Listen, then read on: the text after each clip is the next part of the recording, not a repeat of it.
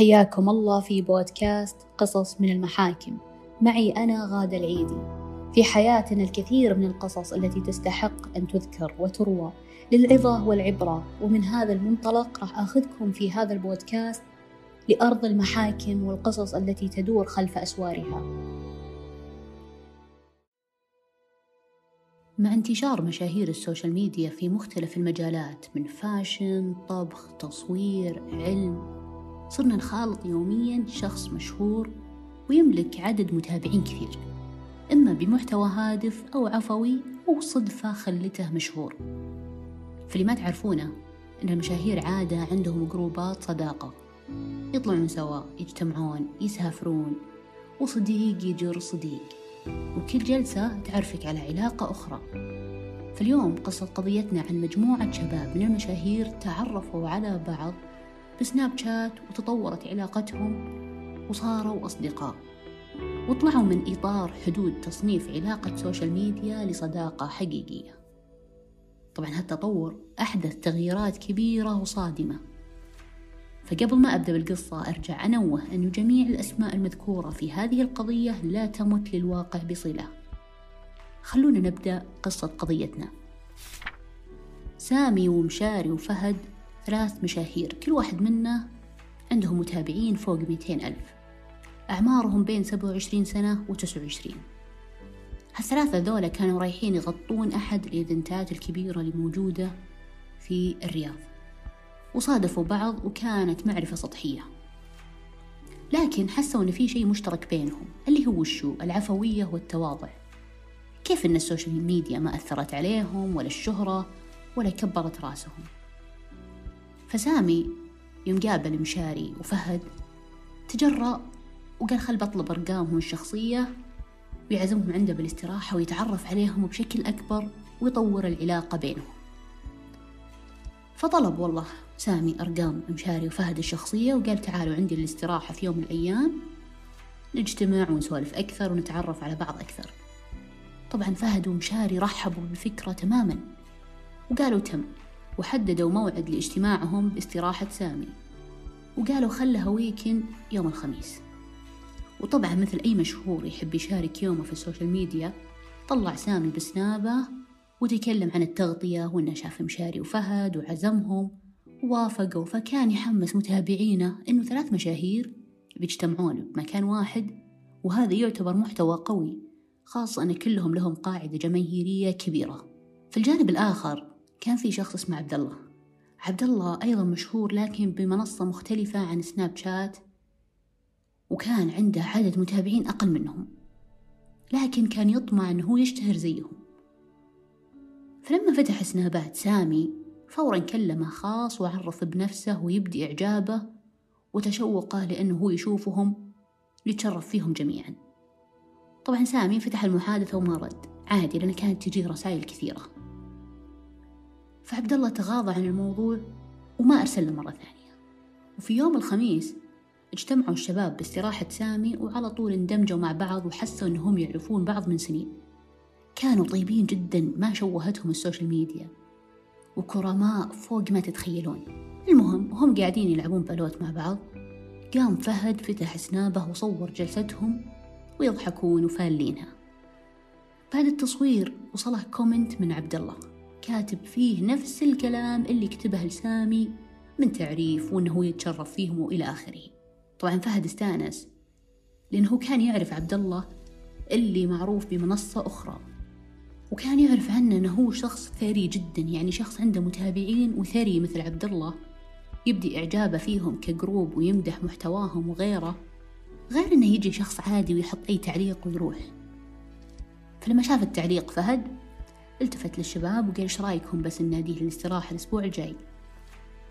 الرجال معروف ويمكن يكملنا ك group وما يضر. فزي ما أنتم عارفين حياة الشباب تساهيل وما يدققون فوافقوا ورحبوا. قام كتب فهد العبد الله مسج وقال له هذا رقمي اتصل علي خلنا نتشاوف ويشرفنا. ومن هالكلام وانتهت سهرتهم على اتفاق إنهم يجتمعون مرة ثانية مع عبد الله خلوني شوي أكلمكم عن عبد الله وشخصيته. عبد الله عمره 34 سنة. شاب من عائلة معروفة جدا وموظف بقطاع خاص. كان من الأشخاص اللي يحب يظهر أنه أكشخ واحد في الحياة ويقدم أفضل ما عنده. يعني سيارات غالية يصورها وملابس كشخة يصورها سبحات عطور. شيء خرافي اللي يشوف محتواه يقول هذا شخص ثري ثري جدا جدا جدا. فكانت له قاعدة جماهيرية بسيطة لكن كلهم من الطبقة الثرية. فهذا الشيء يساعده على شهرته وأنه يكون علاقات مع مشاهير بشكل أسرع. وهذا اللي صار فعلا والدليل معرفته في group سامي وفهد ومشاري. المهم يوم جاء ال weekend تجهزوا الشباب وسنعوا عشاء لاستقبال عبد الله وكان هذا كله موثق بسناباتهم. فيوم دخل عبد الله صوروه ورحبوا فيه وضيفوه وكانت سهرة فوق الخيال. كلهم مبهورين من عبد الله إنه صغير في السن وغني وواصل وعنده علاقات كثيرة وفوق هذا متواضع ومعجب فيهم. فكانوا مبسوطين إنه هذا الشخص يبغى يصير خويهم يبغى يجي لاستراحتهم يخاويهم يجلس معاهم. يعني كانوا مبهورين جدا من تواضعه فمن هنا حسوا إنه هو واحد منهم وفيهم وصاروا يمونون عليه. وخذ لك طلعات وجمعات. وبدأ عبد الله يعرف أخوياهم حتى ويطلع معاهم. وبكل مرة يسألون عنه يلاقون أجوبة تسرهم جدا. إنه كريم ومتواضع وراعي فزعة ودايم يسأل إذا ناقصهم شيء أو لا. ففي يوم من الأيام الجروب هذا قرروا يسافرون لأوروبا وكانت السفرة طبعا من اقتراح مين؟ عبد الله قال لهم أكثر شيء يقوي علاقة الأصدقاء في بعض ويعرفنا على حقيقتنا هو السفر فخلونا نسافر. طبعا ما حد منهم عارض إلا مشاري. وما كان لأنه ما يبغى يسافر لا. كان عاجز عن أنه يدفع تكاليف السفر لأنها غالية. وكلهم طبعا يبغون يركبون طيارة درجة أولى وأحسن الفنادق وأحسن الملابس والسيارات. فمشاري رغم شهرته إلا أنه من عائلة بسيطة جدا ماديا وما كان موظف. فعبد الله يوم عرف سبب رفض مشاري راح لبيته مباشرة وكلم على جنب وبكل فزعة ورجولة قال اسمع يا ابن الحلال. أنا حالف عليك إنك تسافر معنا. ورحلتك علي كاملة مكفول محفول. ولا راح يدري أحد من الشباب وأنا خويك ستر وغطاء. وبعدين متى ما صار معك فلوس رجعها لي. طبعا مشاري ينصدم يعني هذه الفزعة والحركة حتى أخوياه اللي يعرفهم من أيام دراسة مستحيل يسوونها.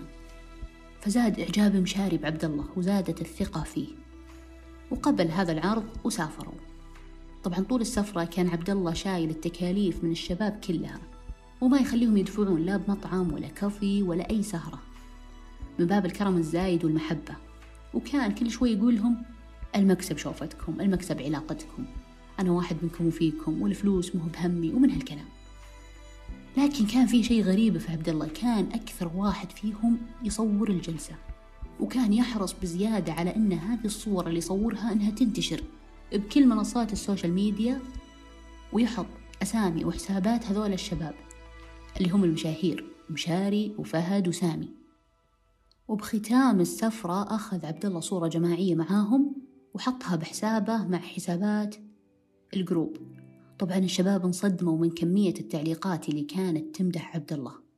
إنه راعي جمايل وفزعة وكريم وإنه خدوم. مشاري طبعا ما تعجب مثلهم لأنه عرف من هو عبد الله وليش يمدحونه لأنه فزع له وحفظ موية وجهه قدام أخوياه بس سامي وفهد مستغربين مرة ومن الميانة يسألوه قال أنت وش وضعك؟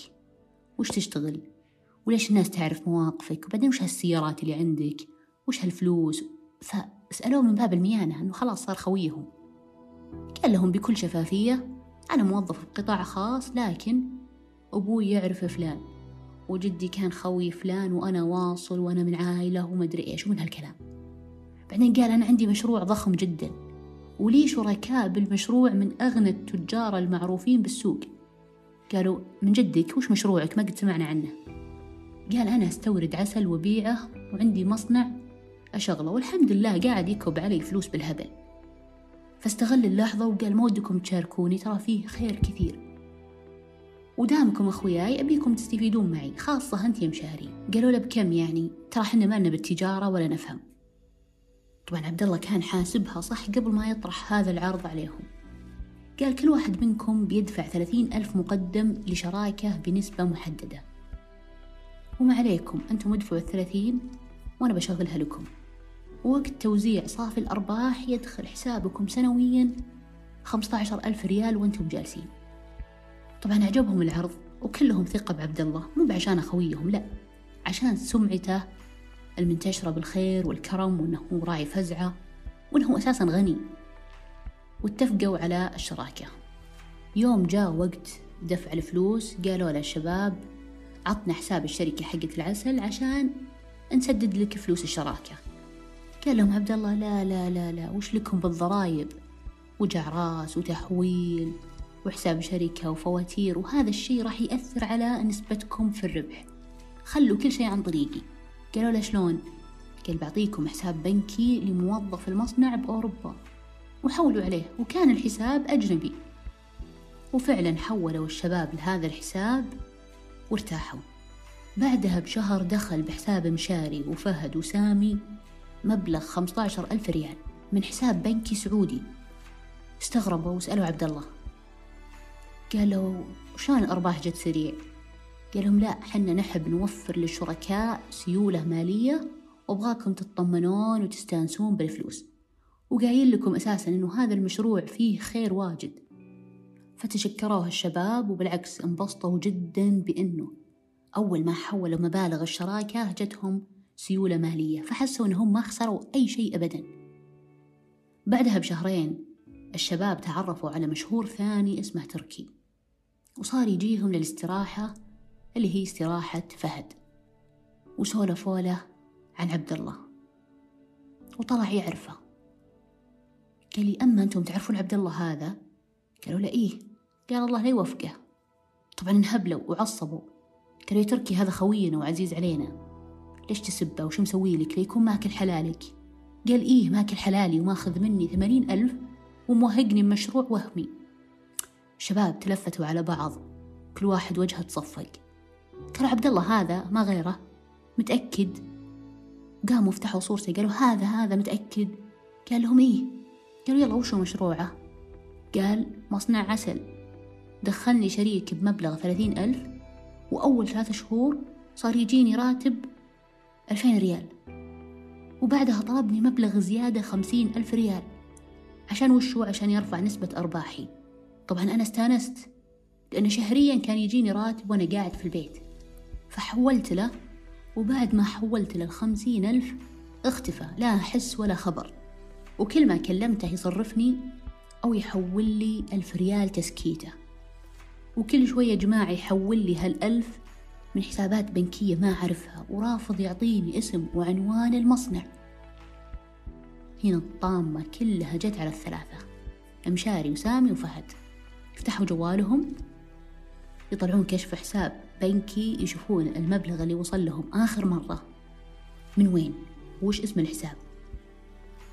الصدمة إنه كان الحساب البنكي اللي يوصل لمشاري وسامي وفهد اسمه تركي اللي هو المشهور اللي قاعد معاهم.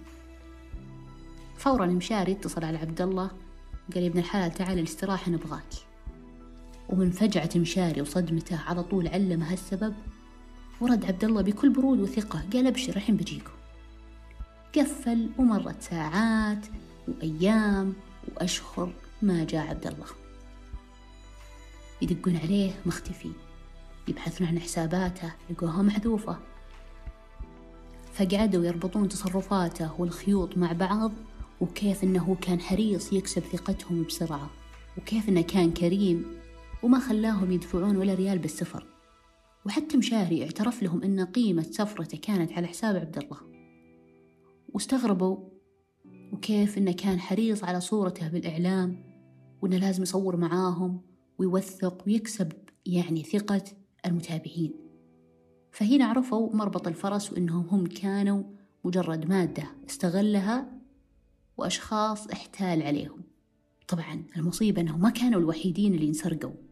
اكتشفوا أن تركي وغيره كثير دافعين له مبالغ عشان مشروع العسل الوهمي وكانوا ضحية نصب واحتيال. فتجمعوا هذول المتضررين كاملا وكانوا كلهم مشاهير. وقرروا يرفعون قضية ضده. كونهم يعرفون اسمه الحقيقي ومكان إقامته وفي محادثات وأرقام بنكية وصور. وفعلا قدموا بلاغهم كل واحد الحال لكن ما كان في شيء يثبت أنه عبد الله شخصيا هو المحتال. لا استخدم حسابه البنكي الشخصي ولا رقمه الشخصي ولا في أي محادثة تثبت أنه طلبهم أموال غير مشروعة. لكن هل يروح حقهم بسبب عدم وجود دليل مثل هذا؟ لا طبعا.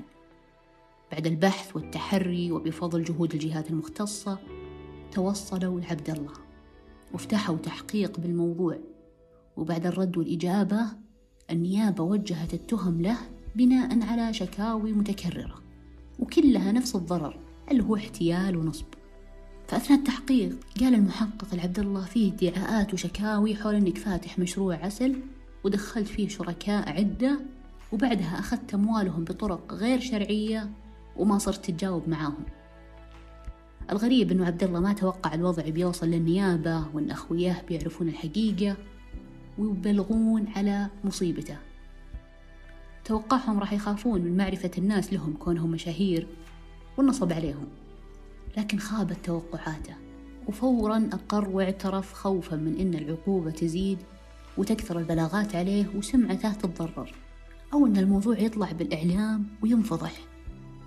فبعد إقرار عبد الله واعترافه وسؤاله عن دوافعه أجاب بكل وضوح أنه السبب وراء نصبه واحتياله على أموال الناس الوصول للثراء السريع. فتحول ملف القضية للمحكمة الجزائية. وهنا وجه القاضي أسئلته لعبد الله عن الاتهامات الموجهة له. وهي تلقي أموال مختلسة والتصرف بها والاحتيال على مجموعة من المتضررين للوصول لأموالهم. وكانت الأدلة على هذه الاتهامات أولا إقرار عبد الله باستلامه مبالغ مالية من عدة حسابات بنكية هو يتحكم بها عن بعد والتصرف بتلك الأموال. اثنين إقراره بمعرفة مشاري وفهد وسامي وتركي بنية الاحتيال عليهم. ثلاثة دخول تلك المبالغ الكبيرة لحساب عبد الله وعدم التأكد من مصدرها والتصرف بها يعتبر قرينة على معرفته السابقة بمصدر الأموال. يعني كأنه كان عارف أنه بيدخل مبلغ كبير لحسابه البنكي وبيتصرف فيه لأنه عارف من وين جايته هالفلوس. أيضا وجود سوابق في سجل عبد الله وكان راعي سابقة مثل المضاربات وحيازة سلاح بدون ترخيص. هذه أفعال إذا ارتكبها شخص كامل الأهلية يعتبر شرعا فعل محرم ومعاقب عليه شرعا ونظاما. فقال له القاضي اسمعني يا عبد الله المدعي العام يطلب الحكم عليك بالسجن للحق العام. يعني الحق الخاص ما زال قائم. الشباب يقدرون يطالبون بحقهم الخاص. فالتفت القاضي بكل حزم وسأله فهل هذه الادعاءات المذكورة والتهم صحيحة أم لا؟ رد المدعى عليه اللي هو عبد الله إن الادعاءات صحيحة وأعترف بها ولا أنكر أي شيء فيها. قال له القاضي تبغى تضيف شيء ثاني قبل ما نقفل القضية؟ قال له لا. فبناء على ما تقدم من الدعوة والإجابة حكم القاضي بما يلي. سجن عبد الله لمدة سنتين وتحتسب منها مدة إيقافه على ذمة هذه القضية. وذلك للحق العام. يعني مشاري وتركي وسامي وفهد وجميع المتضررين. يقدرون يطالبون بعقوبة أخرى له بالحق الخاص. العبرة من هالقضية إنه عبد الله أشباهه كثير في المجتمع بس يجونك على أشكال متفرقة ومختلفة. مرة يجيك غني ومرة يجيك فقير. مرة يجيك صديق ومرة يجيك مستثمر ويبغاك تصير ثري فجأة بين يوم وليلة. فالطريق للثراء السريع خدمة ووهم آخرتها النصب والاحتيال. يعني من الآخر بيسرقون فلوسك. شيء ثاني الثقة أمر عظيم ومستحيل تبني ثقة بنفس السرعة اللي بنوها الشباب العبد الله فلا تغرك المظاهر ولا القيل والقال ولا تسلم ثقتك بيد أحد بسرعة عمياء. الجميل بهالقضية إن جروب المشاهير هذول تكلموا وتملكوا الشجاعة لتقديم بلاغ رسمي وما خافوا إنهم ينقال عنهم منصوب عليهم. لأن كثير من ضحايا الاحتيال والنصب يتخوفون من سمعة النصب. أنه ينقال عنهم هذول منصوب عليهم أو هذول ناس أغبياء. لا بالعكس تماما. إذا أنت قدمت بلاغ أنت كذا حميت الطرف الثاني وحميت المجتمع من هذا المحتال. وقبل ما أختم هذه الحلقة أبيكم تنتبهون من التحويلات البنكية العشوائية بأسامي ناس ما تعرفونهم وحسابات مجهولة. فلا تسلم رقم حسابك البنكي لأي شخص أنت ما تعرفه أو ما تثق فيه ثقة كبيرة. ولازم تعرف سبب دخول الأموال لحسابك وسبب خروج الأموال من حسابك.